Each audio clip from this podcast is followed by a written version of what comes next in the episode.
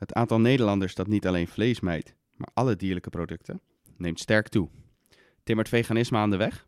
Of is het, zoals premier Rutte onlangs zei, vooral iets van de witte wijn sippende Amsterdamse elite? Deze week krijgt u het antwoord in de nieuwe Elsevier Weekblad, met op de cover Viva Vegan. Mijn naam is Matthijs van Schie. Goed dat u weer luistert naar een nieuwe podcast. Vandaag spreek ik met webredacteur Fleur Verbeek, de enige veganist van de redactie van Elsevier Weekblad. Fleur, welkom. Ja, denk je. Wat is veganisme eigenlijk? Wat mag je allemaal niet meer? Ja, voor veel mensen zal het best wel streng zijn. Als veganist eet ik geen vlees, ik eet geen vis, ik eet geen melk, geen kaas, geen room, dat soort dingen. En ik eet geen eieren. En dat voer ik ook door in mijn, bijvoorbeeld mijn kleding. Dus ik draag ook geen wol. Ik let op met de beautyproducten, cosmetica producten die ik koop, dat dat niet getest is op dieren. Dus ik kan me voorstellen dat het voor veel mensen erg ingrijpend klinkt. En dat is het natuurlijk ook wel. Ja, het klinkt inderdaad best ingrijpend. Uh, heb je enig idee hoeveel mensen in Nederland veganistisch zijn? En uh, gaat het inderdaad omhoog, dat aantal? Ja, dat is een hele goede vraag. Um, daar is nog niet echt een heel goed antwoord op. Het Sociaal en Cultureel Planbureau schatte het aantal in 2016 op 50.000 tot 70.000 mensen in uh, Nederland. En er zijn inmiddels schattingen zelfs dat dat opgelopen is tot 120.000. Wat nog steeds niet heel erg veel is natuurlijk als je het voor, bijvoorbeeld vergelijkt met vegetarisme in Nederland. Maar als je het vergelijkt met uh, 1996 waren de schattingen dat er ongeveer 16.000 veganisten in Nederland waren. Dus het is bijna vertienvoudigd eigenlijk.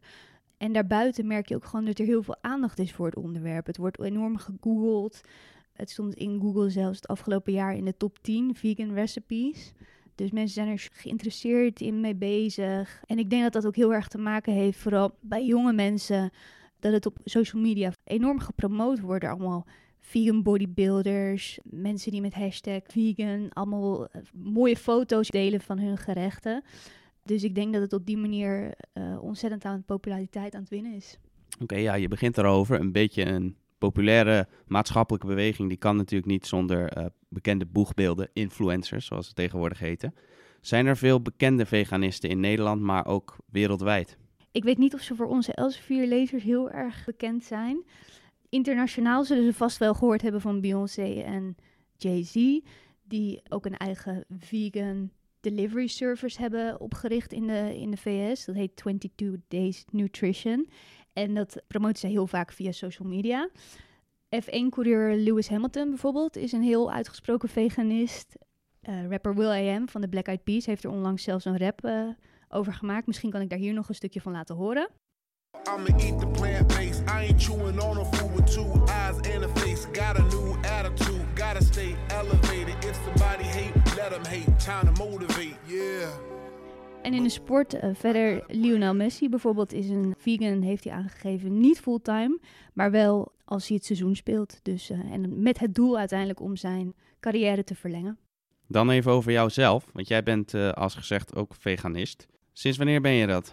Dat ben ik sinds 2015. Ik zag toen de documentaire Cowspiracy op uh, Netflix. Ik denk dat dat zeker een van de documentaires is waardoor het onderwerp veel meer toegang heeft gekregen bij het grote publiek. En erin laat de documentairemaker zien eigenlijk wat het effect is van het eten van vlees en veeteelt in zijn geheel op het milieu. En inmiddels is wel aangetoond dat de feiten en cijfers daarachter niet helemaal op waarheid gestoeld zijn.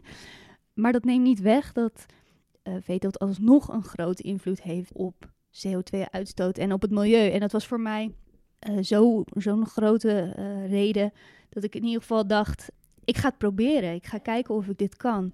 En op dat moment was ik geen vegetariër. Ik had gewoon vlees, kaas. Dus ik dacht, ik ga dat gewoon proberen. En ik heb het gewoon stapje voor stapje heb ik het afgebouwd eigenlijk. Wat ik me heel erg afvraag, is het niet heel ongezond? Want in vlees en zuivel zitten natuurlijk belangrijke voedingsstoffen die je eigenlijk nodig hebt. Uh, hoe, hoe ondervang jij dat? Daar heb ik mezelf natuurlijk ook heel goed in verdiept in het, uh, in het begin. Want je denkt, ja, hoe krijg ik in hemelsnaam alles binnen?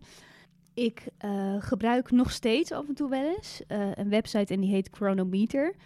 En daarop kun je invullen wat je op een dag gegeten hebt. En dat laat echt precies zien al je vitamine, je mineralen, je ijzer, je calcium. Dus daar staat alles op eigenlijk. En dat gebruik ik niet iedere dag, want ik wil niet obsessief bezig zijn met wat ik wel wel in, niet in mijn mond stop. Ehm, maar het is wel een goede test af en toe om even te kijken van... hey, zit ik nog op de juiste, uh, zit ik nog op de juiste weg? Je kan uh, vijgen eten om je calciumgehalte op te krikken. Je kan um, natuurlijk tofu en tempeh en dat soort dingen eten om uh, te zorgen dat je genoeg eiwitten binnenkrijgt. Uh, bonen eet ik heel erg veel. Om wel zeker te zijn dat er niet toch iets insluipt, laat ik één keer in de twee jaar laat ik mijn bloed checken. Vooralsnog gaat het allemaal goed. Maar uh, wat natuurlijk ook heel belangrijk is met eten is hoe lekker het is. Want vlees is natuurlijk uh, een van de lekkerste gerechten die er voor veel mensen zijn. melk is ook heel populair. Kaas uiteraard. Is het voor jou dan ook heel moeilijk om dat vol te houden? Wat, wat voor producten mis je het meest? Uh, kaas is een goede. In het uh, begin vond ik dat echt heel lastig. Ik ga ook gewoon eerlijk zeggen dat ik nooit echt een kaasvariant heb ontdekt die zo goed is dat die echte kaas vervangt. Um, in het begin was ik daar nog wel heel erg naar op zoek. Ik was echt op zoek naar kaas voor op brood of kaas voor op je pizza of dat soort dingen. Maar Um, inmiddels ja, moet ik zeggen dat ik het zo lang niet uh, heb gegeten dat ik het ook eigenlijk niet echt meer, meer mis. Maar ik snap dat dat een bezwaar is voor veel mensen. Want dat vond ik in het begin in ieder geval vond ik dat wel het lastigst. Ik zou denken als jij uh, thuis eet voor jezelf, dan kan je natuurlijk precies uh, kiezen wat je koopt, wat je laat liggen. En dan is het allemaal niet zo'n probleem. Maar je hebt natuurlijk ook nog mensen in je omgeving met wie je eet. je gaat bij mensen eten. Uh, die moeten natuurlijk rekening houden met wat jij eet. Wat vindt jouw omgeving daarvan? En hebben mensen daar problemen mee dat ze uh, zoveel rekening met jouw eetgewoonte moeten houden? Nu niet meer, want ze weten, ik ben het nu al bijna vier jaar. In het begin heb ik heel vaak aangeboden, ik kan mezelf mijn eten meenemen. Of uh, heb ik ze bijvoorbeeld recepten aangedragen of ideeën aangedragen van dingen. Of zo kun je dit vervangen. Of... Dus daar kwamen we dan allemaal wel uit. Mijn familie keek wel raar op in het begin. Van, wat, wat gaan we nou krijgen? En wanneer heb je dit besloten? En uh, waar haal je dan je eiwitten vandaan? En uh, uh, ja, je gaat ons toch niet uh, proberen over te halen of zo. Ze vonden het wel vreemd.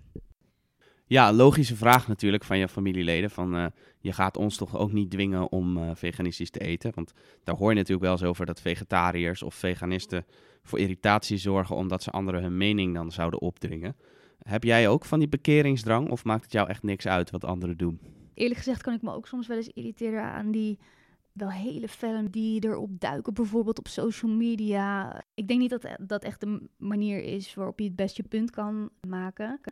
Ik vind het leuker om, uh, toevallig uh, was ik deze week jarig en heb ik getrakteerd. Dan vind ik het leuker om mensen hele lekkere taart te laten eten en ze zo een beetje kennis te, ermee te laten maken. Maar wat iedereen eet, dat moet hij lekker voor zichzelf weten. Fleur, dankjewel. Ik ben benieuwd of uh, veel mensen jouw uh, voorbeeld gaan volgen.